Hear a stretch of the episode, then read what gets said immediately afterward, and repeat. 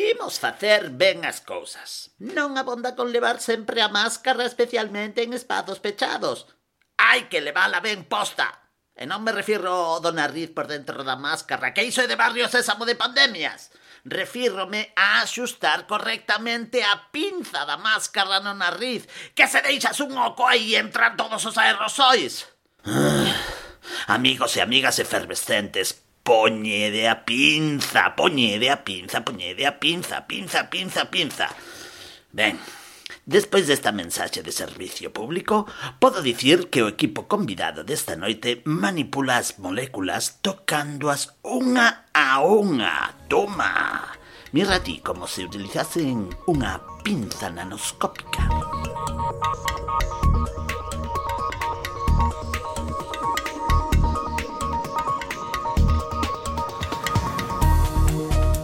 Moi boas noites, un saúdo de Nacho Munilla, César Goldi e de Manuel Vicente.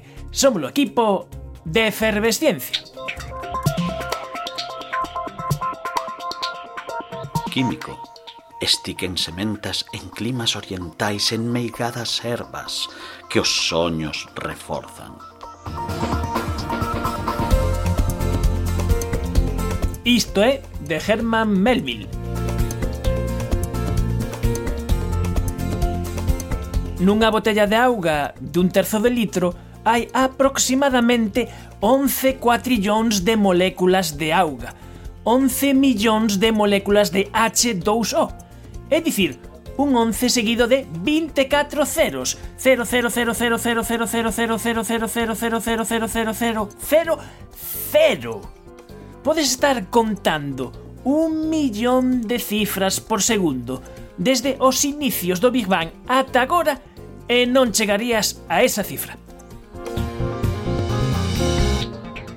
Durante os dous últimos séculos, a maioría das reaccións químicas fanse en disolución, empregando cantidades que poden ser todo pequenas que queiramos en volume, pero que se facemos os cálculos a grado mediante, comprobamos que involucran a unha inxente cantidade de moléculas un número tan grande como os que vimos de ver neste exemplo da botelliña de auga. Haberá algún químico que soñe en sementar emelladas técnicas novidosas que permitan amaestrar as moléculas non en rabaño, senón de unha en unha para lle arrincar en todos os seus segredos? Pois segundo, o Consello Europeo de Investigación, o ERC, existe un consorcio de científicos que poden levar adiante esta investigación de vanguarda é que están asentados en Ratisbona, Zurich e Santiago de Compostela. Benvidos á efervesciencia, hai outros mundos, pero están neste. Efervesciencia. Doses de ciencias en contraindicacións. Patrocinado pola FECIT, Fundación Española para a Ciencia e a Tecnoloxía, Ministerio de Ciencia e Innovación, unha colaboración da Universidade de Santiago e a Radio Galega co apoio da Axencia Galega de Innovación da Xunta de Galicia.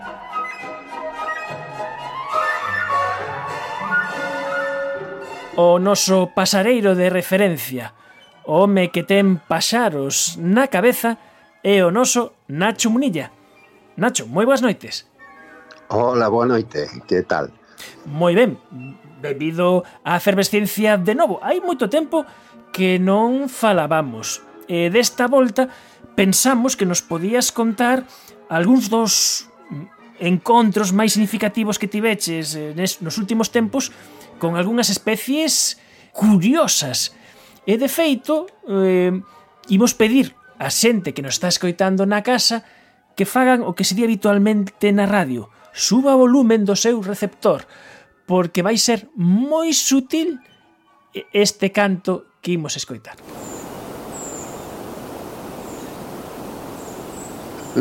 Moi sutil, tan sutil, Nacho. Tan sutil, sí, sí, sí, sí. E quen é o protagonista deste, deste canto? Pois esos, esos son os, os chíos, os chíos é unha das voces dun, dun paxaro que se chama do, do tordo malvís. O tordo malvís é un tordo, un paxariño semellante ao, ao, ao merlo, algo máis pequeno, e que ten vermello debaixo das as. E, e isto que, que, que vimos de escoitar que, que imos a repetilo porque o mellor hubo alguén que non escoitou. Isto ti dis que o tes escoitado pola noite en Compostela. Alguna sí, vez? Sí, sí, sí. Eh, A ver, este é un, é un claro, é desto é un son, é unha chamada moi característica dun, dun tempo, do tempo no que estamos agora. No que os bandos desta, desta especie pois pues están eh, en migración ou estánse desplazando dun sitio a outro. E entón é un chío así moi fino e nas noites, nas noites, ás veces, sobre todo cando están na migración, a finais de outubro, principios de novembro, pois sí que se dan escoitado o no, no, no profundo da noite, cando non hai cando non hai ruidos que, que molesten, non? Sí que se escoitan os, os bandos que pasan, non? E a verdade que, non sei, a min emociona a min. Uh -huh. emocioname, sabes? sí, sí. E cando foi a última vez que escoitaches? Pois escoiteinos hai pouco, escoiteinos hai pouco porque, bueno, hai que dicir que este, este paxaro é invernante, é un, é un paxaro que ven pasar o, o inverno canda nós. Uh -huh. E a parte, o curioso, é que unha parte así das, das poboacións que veñen pasar o inverno con, aquí a, a Galiza, eh, noroeste da Península Ibérica, é unha zona importante de invernada para esta ave, Pois van a montaña, sabes ti, baixar de do norte de Europa, de Escandinavia, e ir pasar o inverno a montaña, non? Non parece unha estrategia moi axeitada. O que pasa é que ali eles na montaña topan un recurso no que son casi especialistas, que son as boliñas, as vagas do acibro. Ah, moi axeitado para esta época, ademais. Sí, quedalles moi ben, sí. bueno, a Cibro que, que ten que estar onde ten que estar, que nada de collelo para casa, obviamente. Sí, sí, o acibro está, pois, eh, xa ves, o acibro é un recurso para todas este para este paxaro en, en, en concreto, pois, vamos, hai, hai poboacións que pasan dous, tres meses seguidos prácticamente cunha dieta exclusiva de, de vaga de acibro, que, por certo, que ninguén o intente, eh? porque o, é tóxico para os mamíferos, é tóxico para os mamíferos. ou seja, que esa estampa tan eh, tan de película, tan de, de Nadal, eh, tan de, de postal, eh, a verdade é que esconde unha especie velenosa para nós. Sí, sí, aparte, sí, para os mamíferos para é, é tóxica. En cambio, as, as aves, pois un, este paxariño pode comer, non sei, 30, 40 vagas diarias eh, tan fresco, vamos, incluso engorda. E, e outro protagonista co que te atopaches recentemente sí. tamén o podemos escoitar.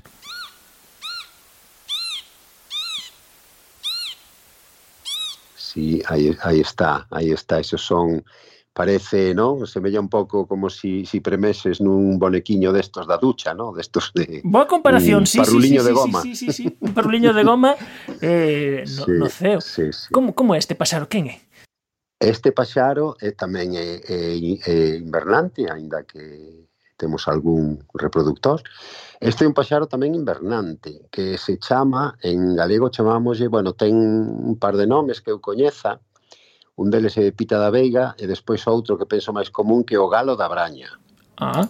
O Galo da Braña, que é un, é un Sí, é un ave así xa de un tamaño un pouco máis común a galiña pequena. E este é eh, doado de ver ou levaches unha alegría cando cando viches recentemente? Pois pois levei levei unha alegría, o meu outono é tamén un período un pouco sentimental, non? pero pero sí que sí que A ver, esta é unha especie moi irruptiva, o que chamamos nos irruptivos, quer decir que dependendo das condicións climatolóxicas, pois varía moito a extensión da súa área de, de invernada, dos, de desplazamentos, non? Entón, os anos que vai moito frío poden achegarse aquí moitísimas, podense ver por casi por todas partes, nas zonas de prados que lle gustan moito Eh, pero hai moito claro mm, co cambio climático, digamos que estes anos de estes anos de, de galos da braña, pois cada vez son máis máis escasos, cada vez son, son máis raros. Eu o último non sei de cando de cando sería. Entón, dai máis de 10 anos seguro. E entón o que me, pois sí que foi un placer ver un, un bandiño ali nun nun prado, aparte moi moi perto de onde escoitei os, os malvises, non? E, e ali estaban, ali estaban. Aparte son, deixanse ver, eh? deixanse ver. Estes, e son, son a verdade que un ave moi, moi fermosa de ver. E ademais, o que teñen tamén que é moi importante que son eh, indicadores de como estamos tratando eh, o noso contorno. Pois sí, a verdade é que a ave fría eh, que chaman en castelán o, o galo da braña, pois é, eh, eh, ah, sí, eh, probablemente sea un dos, dos, dos mellores indicadores do que é a transformación dos, dos agroecosistemas, non? da, do, do que pasa cando intensificamos, cando lle, lle pedimos demasiados os ecosistemas agrarios, non? Entón hai unha serie de especies que non non aguantan ese esa, esa explotación, ese, ese uso que facemos destos medios e desaparecen. E isto pasou, está a pasar, está a acontecer cos, cos pouquiños que temos que temos criando en, eh, en Galicia. Non? Hai un, unha pequena poboación na Limia, e non sei se aínda crían se aínda crían en Cospeito, non? Entón, eh, eh, eh polo que a xente que, que os, vamos, que está que os estuda, que está mirando a ver que lles pasa, pois o que o que chama a atención pois, de, do problema que teñen de que o cambio nos cultivos e na forma de cultivar lles vai moi mal, moi mal a a, esta, a esta especie en concreto. A verdade, cría no chan, en, imagínate, se crías no chan en, en, un, en un, nunha leira, nun, nun campo de cultivo, pois pois a intensificación, a intensificación agrícola non che vai sentar moi ben. E, de feito, desde o mundo eh, do, do colosismo, eh, eh, existe unha preocupación sobre mm, o enfoque da, da PAC, da Política Agraria Común. Pois sí, pois sí, está dende o mundo ecoloxista, o sea, hai, hai unha, un, varias organizacións están xa dirixironlle hai nada unha, unha carta aberta á presidenta da, da Comisión Europea, pedíndolle que por favor reconsiderasen o, a política agraria común porque non estaba, vamos, o, os obxectivos que se marcaron para ela eh, pois non, non, non se van poder conseguir despois das, das modificacións que lles fixeron. E isto, esta preocupación non é só das, digamos, das eh, organizacións ecologistas, tamén hai outra outra carta aberta circulando por aí eh, asinada por un montón, un montón de, de xente de ciencia europea que está moi, moi preocupada polo camiño, bueno, pois que pensan, eh, eh pensamos equivocado, non? Que non é esa, esa eh, impulso para, para intentar que a agricultura dixe de ser un factor de impacto e pasa a ser un de impacto negativo e pasa a ser un pois o que era antes, non? Un gran un gran motor da, da biodiversidade, pois que isto volva a ser así. Pois con esta reflexión despedimos o noso pasareiro, a Nacho Munilla, que nos trae de cando en cando pois estes paxaros que ademais nos axuda a afiar, a afinar non só a ollada, senón tamén o oído. Eh, Nacho, unha aperta moi grande. Pois un placer E, e nada, as, as boliñas dos acibros nada máis para mirar, eh? Desde logo. Quixera ser dos pásaros que anduriña se lles para facer o meu niño moi perto da túa cama moi perto da túa cama ai la lelo ai la maruxiña remenda o refaixo Que o leva rachado por riba e por baixo. Ah, boas noites, Diego, estou emocionadísima. Moitísimos parabéns, moitísimos parabéns. Mira, é que levo horas chorrando de, de, de emoción porque para mí eres eres como un filliño, como un netiño, como meu Albertiño. Eres unha eminencia na química do noso país. Eres tremendo. Ademais que chegaches a esta a este a, este, a ser o, o finalista e o gañador deste super proxecto a nivel europeo, quizáis o máis importante, o máis financiado, é un Masterchef durísimo chegar ata aí. Ademais, neste superproxecto que non teño nin idea de que vai, así que, por favor, eh, explícanolo. Eh, intentou no antes Manuel e non entendín nada, así que, que veña, dalle. Caramba, moitas gracias a, a boa, da gusto, da gusto que estés tan contenta. A verdade é que nós tamén estamos moi contentos. É un proceso moi moi longo conseguir este tipo de proxectos máis ou menos levamos levamos un ano de evaluacións, tes que pasar tres evaluacións diferentes. E son proxectos moi moi prestixiosos. Fíxate que, que se, se entregan 34 para toda Europa en todas as disciplinas, non? Entón non non é sinxelo. Equipos de, de todo o mundo eh, o, o solicitan e eres evaluado por, por investigadores moi prestixiosos, entón que, que eles confíen no que no que propusimos pois pois é un orgullo. Agora hai que cumprilo, claro.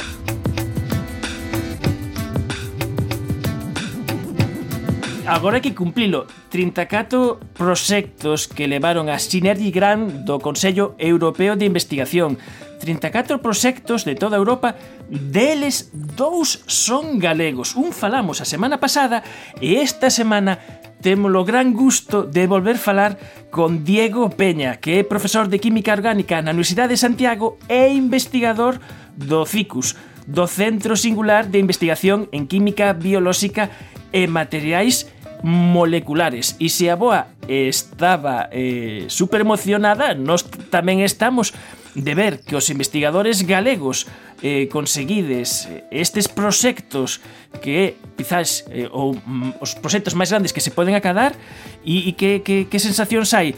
Eh, ese orgullo, ese momento 12 pero aquí un momento tamén arácnido, un momento Peter Pan de un gran poder, unha gran responsabilidade.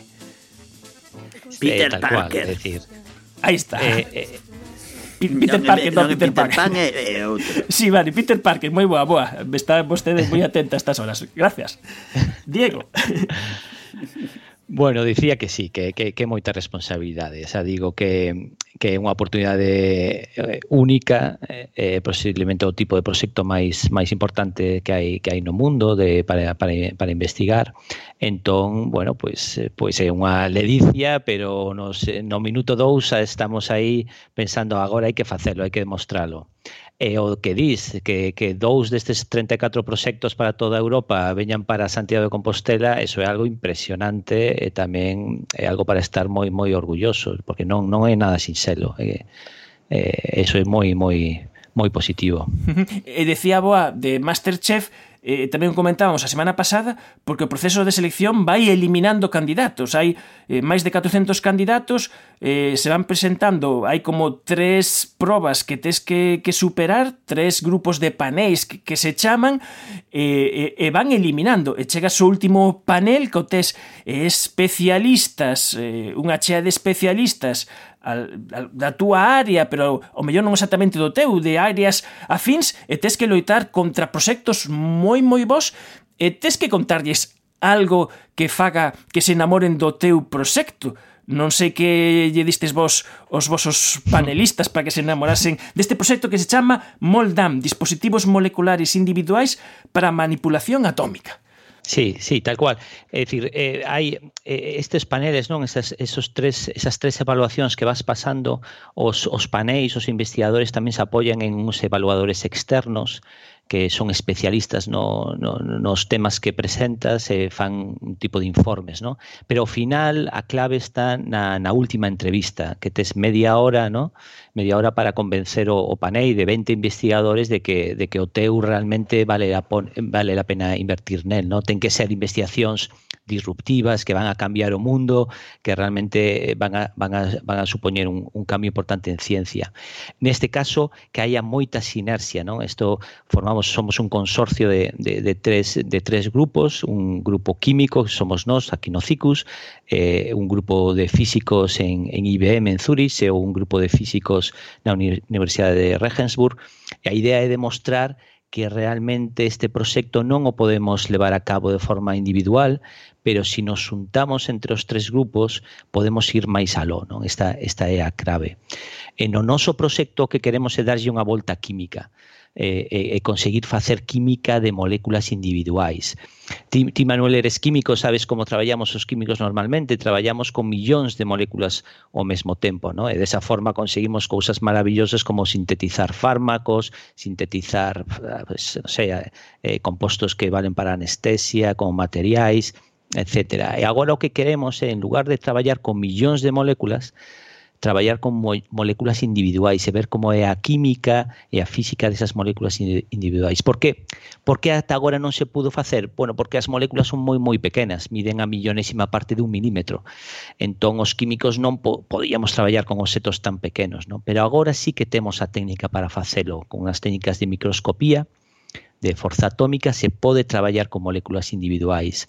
E isto é o que queremos hacer. Uh -huh. Mira, e o tribunal este do que, que, que aproba ou non os proxectos non será tan duro como de Masterchef ou seja, non vos ins, non insulta a xente que, que, bueno, que, bueno, que perde ni, que nos, dice, con... mira, alquimista de merda vai para casa e eh, adícate a arranxar zapatos porque ou fuches de farol, nada. me bendiches aquí esta moto de que vas, vas revolucionar a, a química e a física e todo como é? No. Oh, o millor nas redes tiñas moitos apoios, eh? Que hoxe en día da todo iso conta, eh? Veña, confesa. No, o tribunal foi moi respetuoso. O sea, a verdade é que, que, que, que dá gusto, no? É, é moita tensión, estás moi nervioso porque te sogas moitísimo, no? E sempre hai algún poli malo. Sempre neses comités, que, xa digo, 20, 20 investigadores, sempre ah, hai... Ves, ves, ves, ves, ves? Dime. No, no, ves, sempre hai un Jordi aí. Tal cual, sempre hai un Jordi aí metendo aí un poquinho de cizaña de unha forma moi respetuosa, pero poñéndote en aprietos. É como ten que ser. O sea, ti tens que ser capaz de demostrar que, que está todo ben atado, que está todo ben pensado que o que o que vamos a facer, non? Entón sempre sempre hai que intentar intentar pois pues eso, lidiar co co Jordi de turno, sí.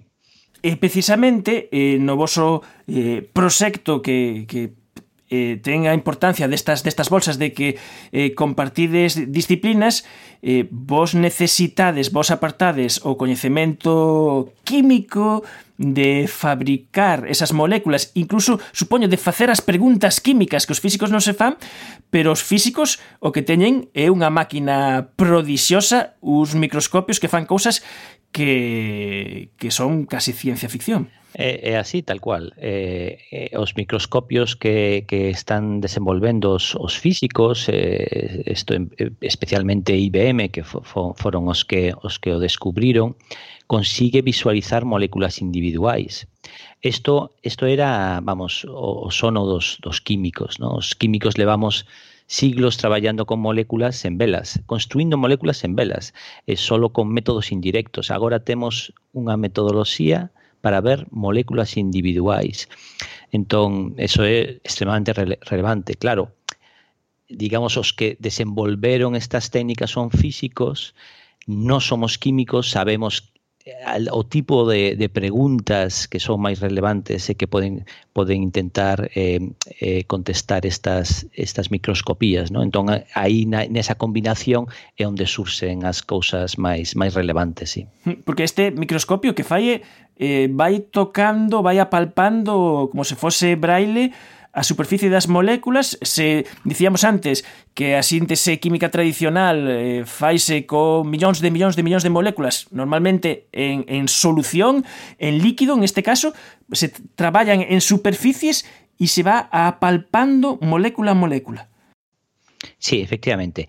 O primeiro é esas moléculas depositalas nunha superficie, eh, unha superficie que ten que estar en unhas condiciones determinadas de ultra alto vacío para que non haxa nada máis eh, que complique a, a visualización e a temperatura moi moi fría vale menos 270 grados centígrados, de forma que as moléculas estén ben quetiñas, ¿no? porque se non sale a foto sale movida. E despois achégase unha punta moi moi fina eh, a, a estas moléculas e o que se fai é se empeza a facer barridos eh, de, de forma que a punta, a punta dese microscopio nota, igual que fose un lector de braille, nota as, rogu, eh, as rugosidades da superficie onde está a molécula e desa forma pode construir unha imaxe, unha imaxe da, da mesma das moléculas, non? Esta é a, a técnica.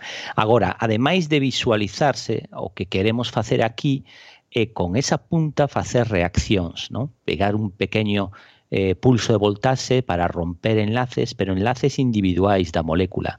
Ver realmente como é o interior da molécula, ou ver como os electróns se moven dentro da molécula, ou ou facer incidir luz sobre esta molécula e ver o que o que lle ocurre. É dicir, este tipo de cousas que, que pretendo, pretendemos ir algo máis aló que unha foto fixa da molécula, non? Queremos ver a molécula en acción e poder dominala. Mira, eh, Manuel, xa, eh, como vexo que traes aquí xente aparentemente tan lista, vou non meter nun aprieto, mira, porque onte o meu amigo César Goldi, ese grandísimo actor galego, o seu fillo Max, Preguntoulle, mira, esa xente tan lista de efervesciencia podería contestarme a unha pregunta. Digo, a ver, cal, cal. Pois a pregunta de, sería posible, ademais hoxe estamos falando diso, de manipular moléculas e tal, para acabar co problema da auga no mundo, pode, non poderían coller as moléculas e os átomos de hidróxeno e oxígeno e fabricar auga para todo o mundo, e xa está. Si se podería fabricar eh, moléculas de agua para todo o mundo se podería, sí, o que Sí, fa... fabricar auga artificialmente encher botellas e ala. Sí, eh... sí, sí, sí que se pode, sí que se pode. O que pasa é que o coste, o coste energético, o coste energético non sei, non sei se se compensaría, o sea, costaría moitísimo facelo. Pero sí, pero a mí se me ocurren moléculas máis interesantes que, que, que fabricar auga. Ao fin de contas, a auga xa temos fabricada por a natureza, non? Entón o único que temos é coidar os recursos e conseguir non non malgastala. Pero hai moléculas que poden ser moitísimo máis interesante, eh, eh, moléculas que, por exemplo, poderían combatir pois a pandemia que temos agora agora en riba, por exemplo, ou moléculas que, que cesan antitumorais e consigan loitar contra o cáncer. É dicir, a capacidade da química é inmensa. E ao final todo está formado por átomos e moléculas. Entón, se conseguimos dominar o, o mundo molecular e construir as moléculas como queremos, ensamblando átomos da forma da forma que queramos para que teñan unha funcionalidade, non teríamos límites, sería algo algo maravilloso, non? Mm, veña, intentarei transmitirlle esta mensaxe. Moi ben. Necesito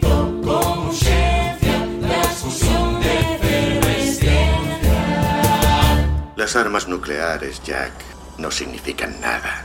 Todos las tienen, pero nadie tiene agallas para usarlas. ¿El espacio, dices? Ha sido un fracaso.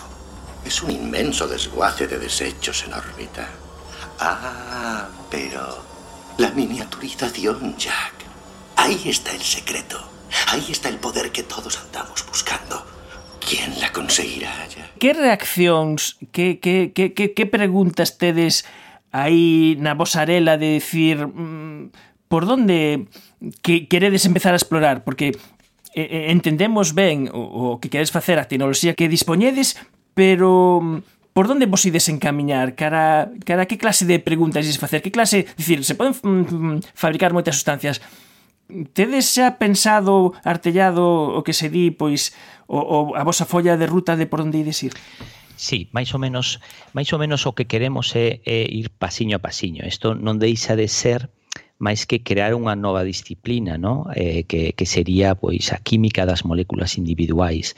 Entón, eh, claro, queremos basarnos todo o conocemento que temos que temos adquirido en química nos últimos séculos, entón o primeiro sería demostrar reacción que xa coñecemos que funcionan en disolución, ver se esas, esas reaccións funcionan en superficie, funcionan da mesma forma. Non?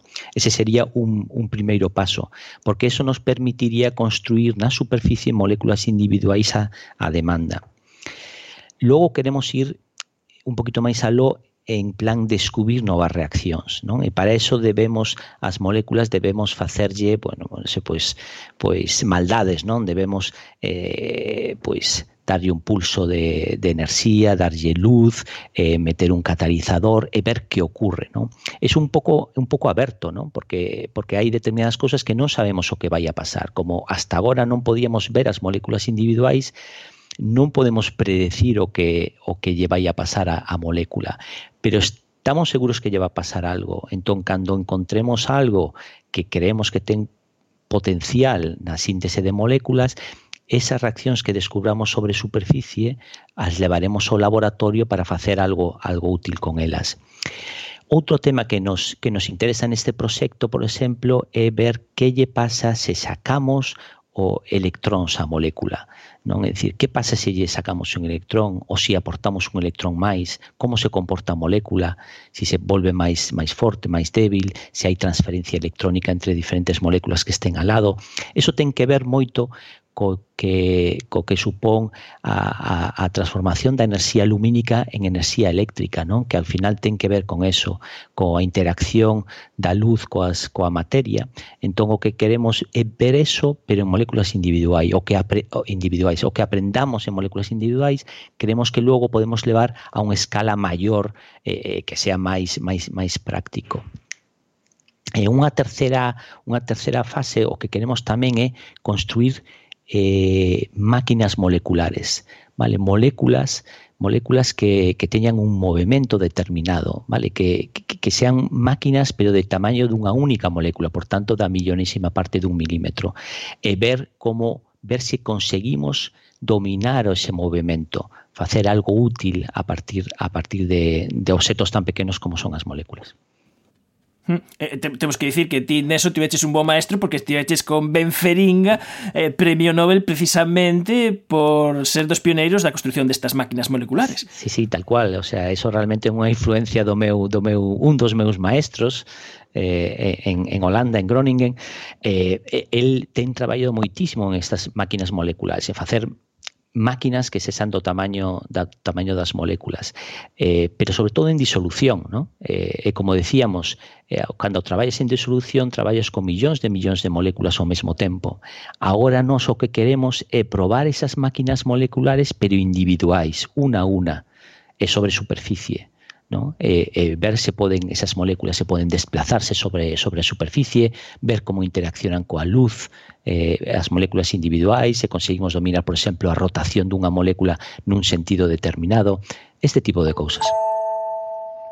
Mirra, eh, eh, para facer toda, toda, todas esas cousas, claro, pedides eh, moitos cartos. Bueno, ya, ya, ya, agora volodero, non sei canto, tres millóns e pico. Eh, eh, non, non, non son moitos cartos eses. O, o, o realmente non son moitos, porque, non sei, habrá que comprar material, contratar xente, ou non sei, o mellor as moléculas teñen un convenio colectivo e non reaccionan se non lle soltas a guita.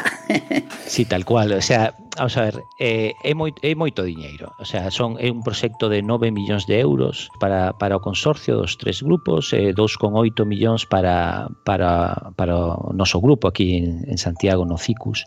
Eh, é un diñeiro digamos que é un proxecto durante seis anos e a idea basicamente ese diñeiro é invertilo en, en persoas, o sea, realmente vamos a, a contratar moitos investigadores, que eso tamén é algo interesante, non? Dalle oportunidade a, a xente xoven, estes tipo de proxectos pois pois permiten eso, contratar contratar investigadores xoves para para, para axudar no proxecto e equipamento, o equipamento de investigación é, é moi caro realmente, non? Eh, eh, e bueno, xa veremos si, si realmente vale a pena ou non invertir tanto dinero en isto. Eu eh, estou convencido de que sí, é dicir, de que a inversión en ciencia al final eh, é extremadamente rentable e repercute na sociedade. A, a veces non, non a corto plazo, pero, pero sempre a medio, largo, longo plazo, a inversión en ciencia vale a pena. Eh, quizáis unha proba desto é que Neste proxecto, unha das patas é unha empresa, é, é IBM, que é unha das empresas punteiras que ten eh, varias dimisións, que tamén están eh, traballando, na, eh, por exemplo, na computación cuántica, que, que ten que ver tamén moito con ese, ese mundo eh, nanométrico. Quere dicir que se IBM fai apostas por estas liñas estratégicas de investigación tamén un indicativo do potencial que hai aí atrás. Uh -huh. É certo. Eh, IBM é unha, unha empresa moi moi peculiar nese sentido, no sentido da, da investigación, porque porque invierte moito en investigación, investigación a máis básica. Este centro co que colaboramos en, en Zurich, aí hai 300 investigadores facendo investigación básica, non, non, non pretende sacar eh, ao mercado en 3, 4 anos un produto basado nesas investigacións. Sabe que a investigación é a longo plazo. Eh, o que fai é investir en investigación básica e posiblemente sabe que tardará 10, 15, 20 anos en, en, en ter un retorno desa investigación, pero está convencido de que esa é, é a forma. Entón é, é un gusto traballar con empresas así que valoren a investigación, a investigación básica, é realmente un privilexio. E unha das cousas que nos contaches cando nunha das ocasións que estiveches conosco en Efervesciencia foi, e coido que, que agora vale a pena tamén volver a contala, foi como iniciastes esa relación con IBM, con Leo Gross, porque eh, foi, foi fuches ti que mm, te aproximaches a eles eh, porque viches unha portada en Science, pero a resposta digamos que non foi inmediata. Sí, tes boa memoria. A verdade é que foi a raíz de, de unha publicación deles onde precisamente comentaban este eh, o este tipo de microscopio que decíamos que conseguía ver moléculas onde desde unha perspectiva un tanto física onde me di conta de que eso iba, iba a ser unha revolución en química, non?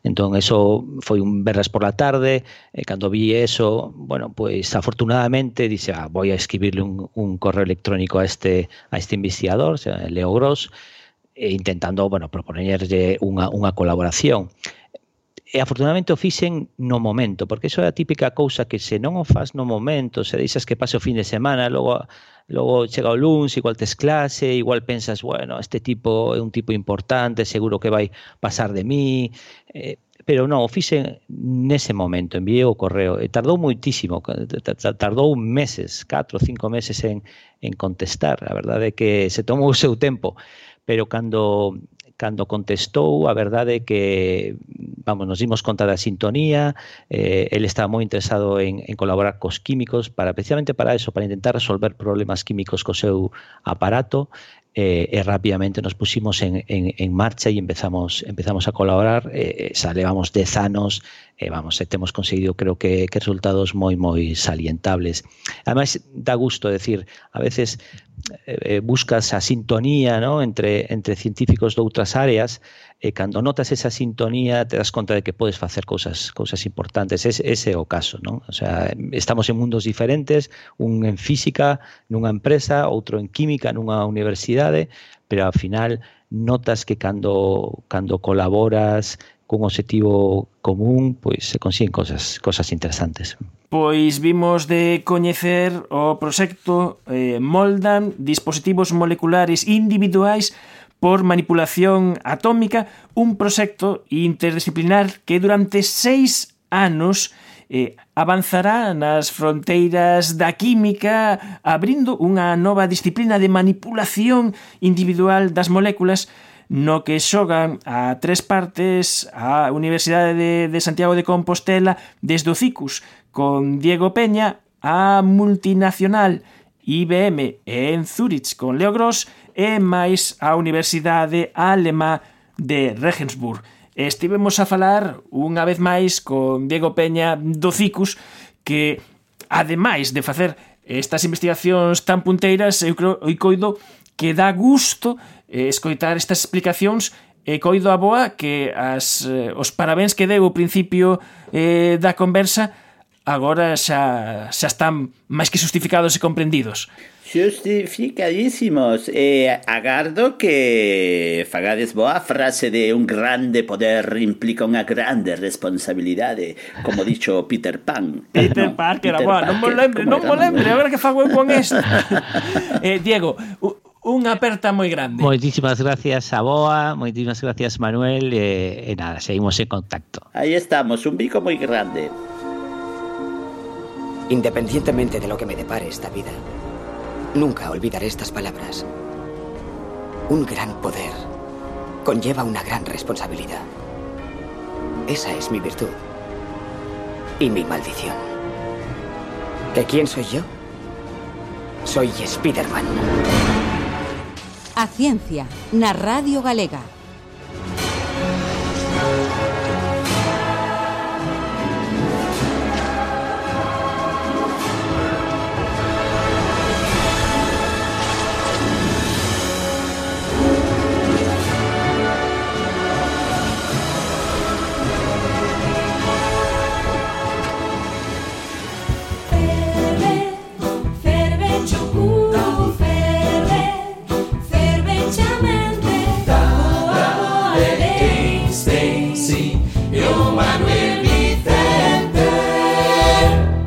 Daniel Pereira, moi boas noites. Boas noites.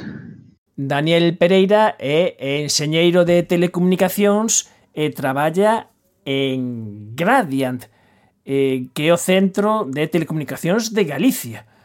Eh, o teu traballo como investigador a que en que campo estás especializado? Principalmente traballo eh, xunto con un grupo de, de, de compañeiros en análise de imaxe eh, en análise de vídeo, tratando de, mm, de aplicar uh, algoritmos que bueno, hoxe, hoxe en día chamanse en moitas ocasións inteligencia artificial, pero non son algoritmos de aprendizaxe automático para extraer eh, coñecemento desas imaxes, eh, deses vídeos.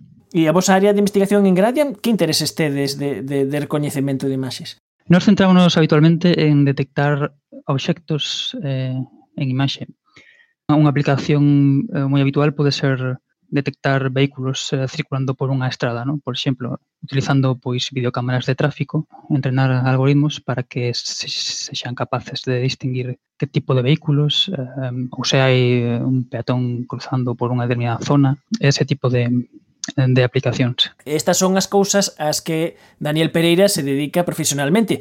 Ademais, eh, con Daniel Pereira contamos hai uns anos eh, nos obradoiros que temos mm, para investigadores de comunicar ciencia na radio no que estiveches nos estudios eh, da Radio Galega coñecendo como era o medio. E esta noite eh, falamos con Daniel Pereira, empezamos a falar do seu traballo como investigador, enseñeiro en telecomunicacións, pero realmente hai outra faceta de Daniel Pereira que ten que ver con este relato de inspiración científica.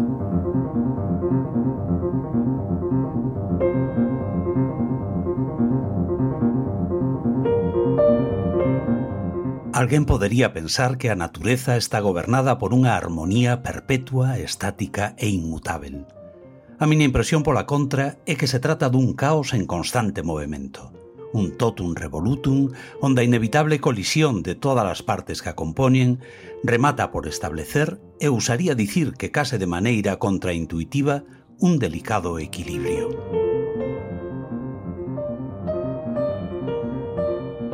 Non hai designios que rexan a nosa existencia, mas existen unhas cantas regras que deslindan os terreos polos cales a nosa realidade pode discorrer.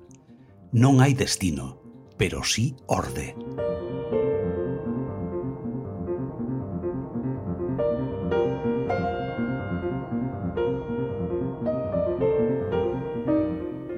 Podo referirlles a miña propia experiencia a xeito de exemplo. Eu proveño de profundos confins, onde forzas violentas, segredas, pero moi poderosas confluíron para dar orixe á miña esencia.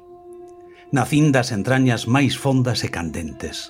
Dende ese turbulento estado primixenio, vinme agora arroxeada ao mundo, nun estado ígneo.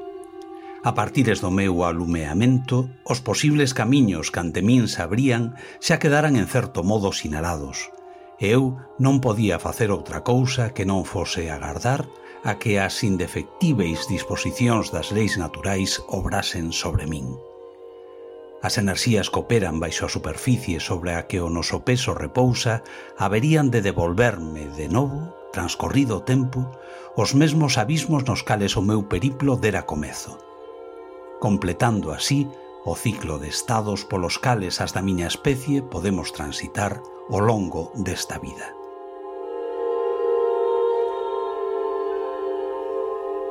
A iso mativera, cando, pra miña sorpresa, houbo quen alterou esta cadea natural de acontecementos. Fun rescatada donde xacía para ir parar a un pulcro expositor, ca inopinada encomenda de estimular o sentido do abraio de calquera que tivesa ben pousar os seus ollos curiosos sobre min. Limparon a boaxa e a lama que o paso das idades e das épocas previas apegañara a miña dura pel e deixáronme así, espida e impoluta, en col deste pedestal onde agora repouso. Sei que este non é o caso doutras que, como a min, foron arrincadas dos seus lugares mentre agardaban, incólumes, a que lles chegase a hora de comezar a seguinte etapa da nosa cíclica viaxe.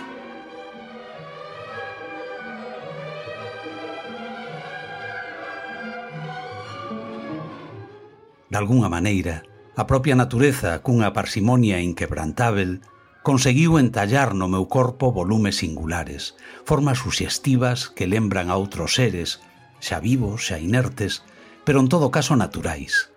Como se a natureza se prestara a seguir un proceso creativo baseado na autorreferencia. Permítanme ser escéptica respecto disto. Como xa expuxen, non creo nun designio que dite de maneira preclara o destino de ninguén. E con franqueza, dubido que tamén o crean os que me conduciron a miña situación actual. Aínda que iso non sexa tranco para que o reparar nas miñas particulares feituras alguén experimente, crenzas aparte, parte, unha sorte de enigmática fascinación.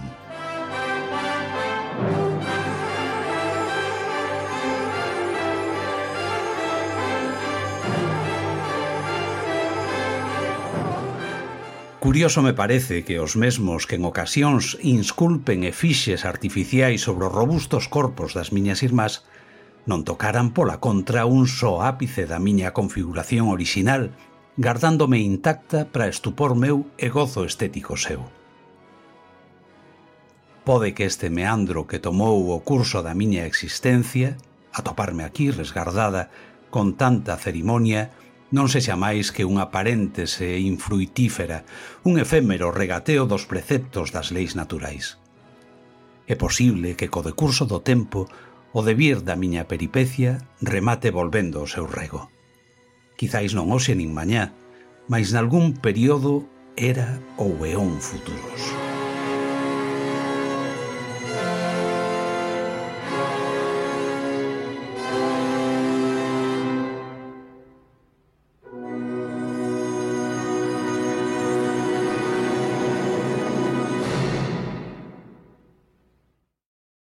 Se as pedras falásemos, esta sería a historia que eu podería relatarlles.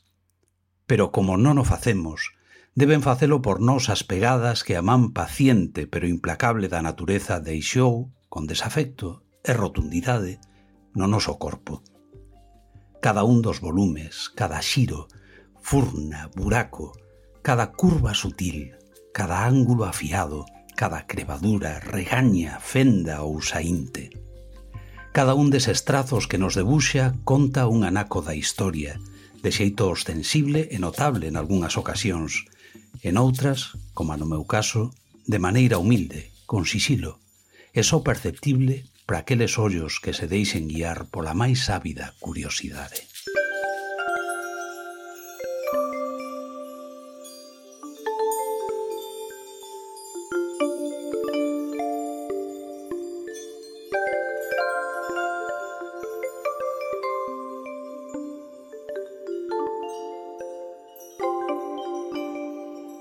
na voz do noso compañeiro Anxo Quintela, vimos de escoitar esta adaptación radiofónica do relato gañador do, da décima edición do concurso de relatos de inspiración científica Inspiraciencia que convoca a delegación do CSIC en Cataluña, en cuxa categoría en galego na categoría de adultos gañou este relato de Daniel Pereira, Daniel, parabéns.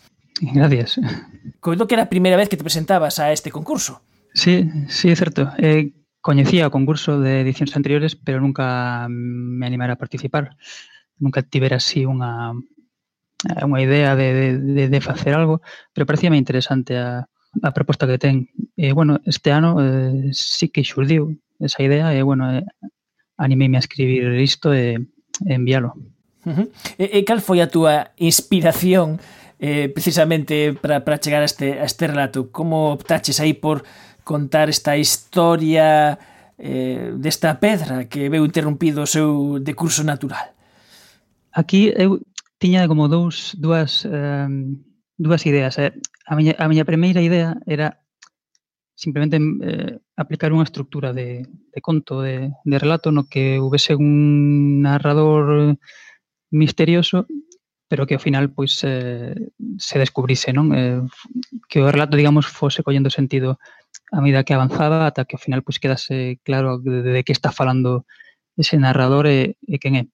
Tiña esa idea de estrutura, pero non tiña que, que, que contido ou, ou sobre que aplicalo, pero facendo pois eh, quizáis búsquedas que non estaban nin relacionadas con esa idea de estrutura, xurdiu isto eh, do Suiseki, que é algo que eu non coñecía, pero que me pareceu curioso. O susekis é unha palabra xaponesa que se utiliza para designar unhas pedras que sen ningún tipo de manipulación, senón que tal como son atopadas, recordan de alguna maneira unha paisaxe natural ou incluso obxetos animais ou figuras antropomórficas. Cando un destes coleccionistas atopa unha pedra destas, pois límpanas e expóñenas nun pedestal para ser contempladas. Que este é o título precisamente do relato. É o título, sí, que utilicei para o relato. E unindo esas dúas ideas, a idea da estructura e a idea a inspiración de que me deu por, por descubrir esta, esta curiosas rochas, pois foi como xuntando esta, estas dúas cousas eh, din coa, coa idea final para, para escribir este relato. E ti xa eh, se tiñas eh, experiencia escribindo relatos? A... Sí, sí, é unha ficción, é unha ficción que me ven de anos xa, pero bueno, mm, non teño tampouco un ritmo constante de, de produción, por, por, por así decirlo, pero sí que últimamente nos últimos anos eh, intereseime máis por presentarme a algún que outro certame. Aquí en Vigo, de, de onde son eu, pois hai, hai algúns certames de relatos eh, de, que de cando en vez se publican.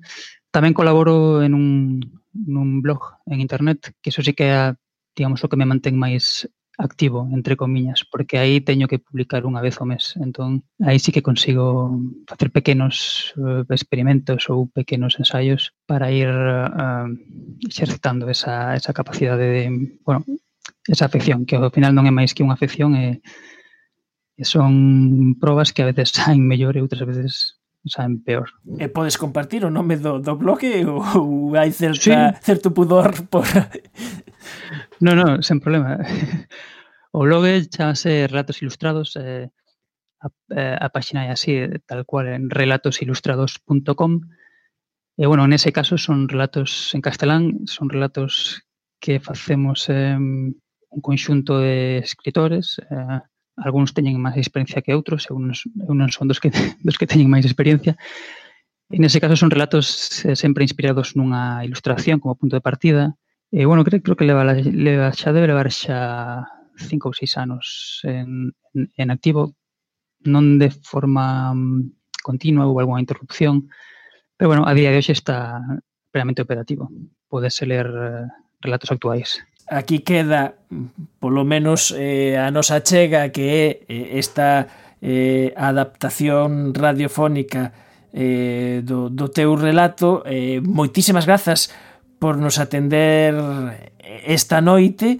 E eh, eh, bueno, eh, que teñas eh, moitas satisfaccións por esta vía eh, da escrita e, e bueno, e se misturas eh, inspiración científica e, e literatura, pois pues, bueno, xa sabes onde tamén nos podes atopar. Daniel Pereira, eh, unha aperta moi grande. Moi ben, Manuel, moitas gracias a vos.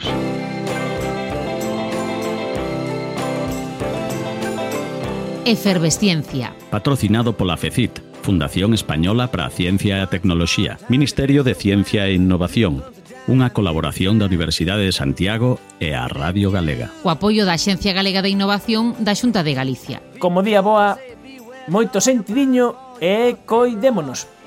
Adeus.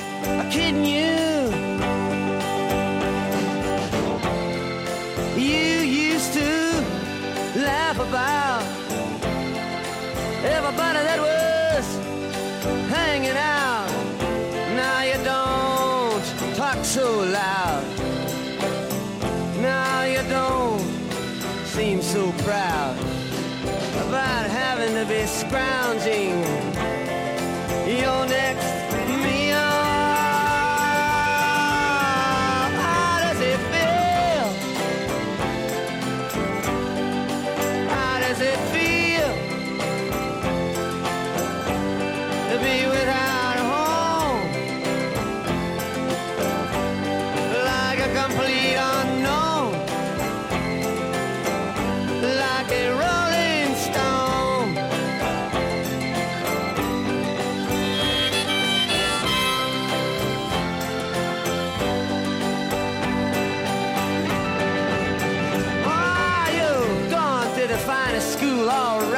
Miss Lonely, but you know you only used to get juiced in it. Nobody's ever taught you how to live out on the street, and now you're gonna have to get used to it. You say you never compromise with the mystery tramp,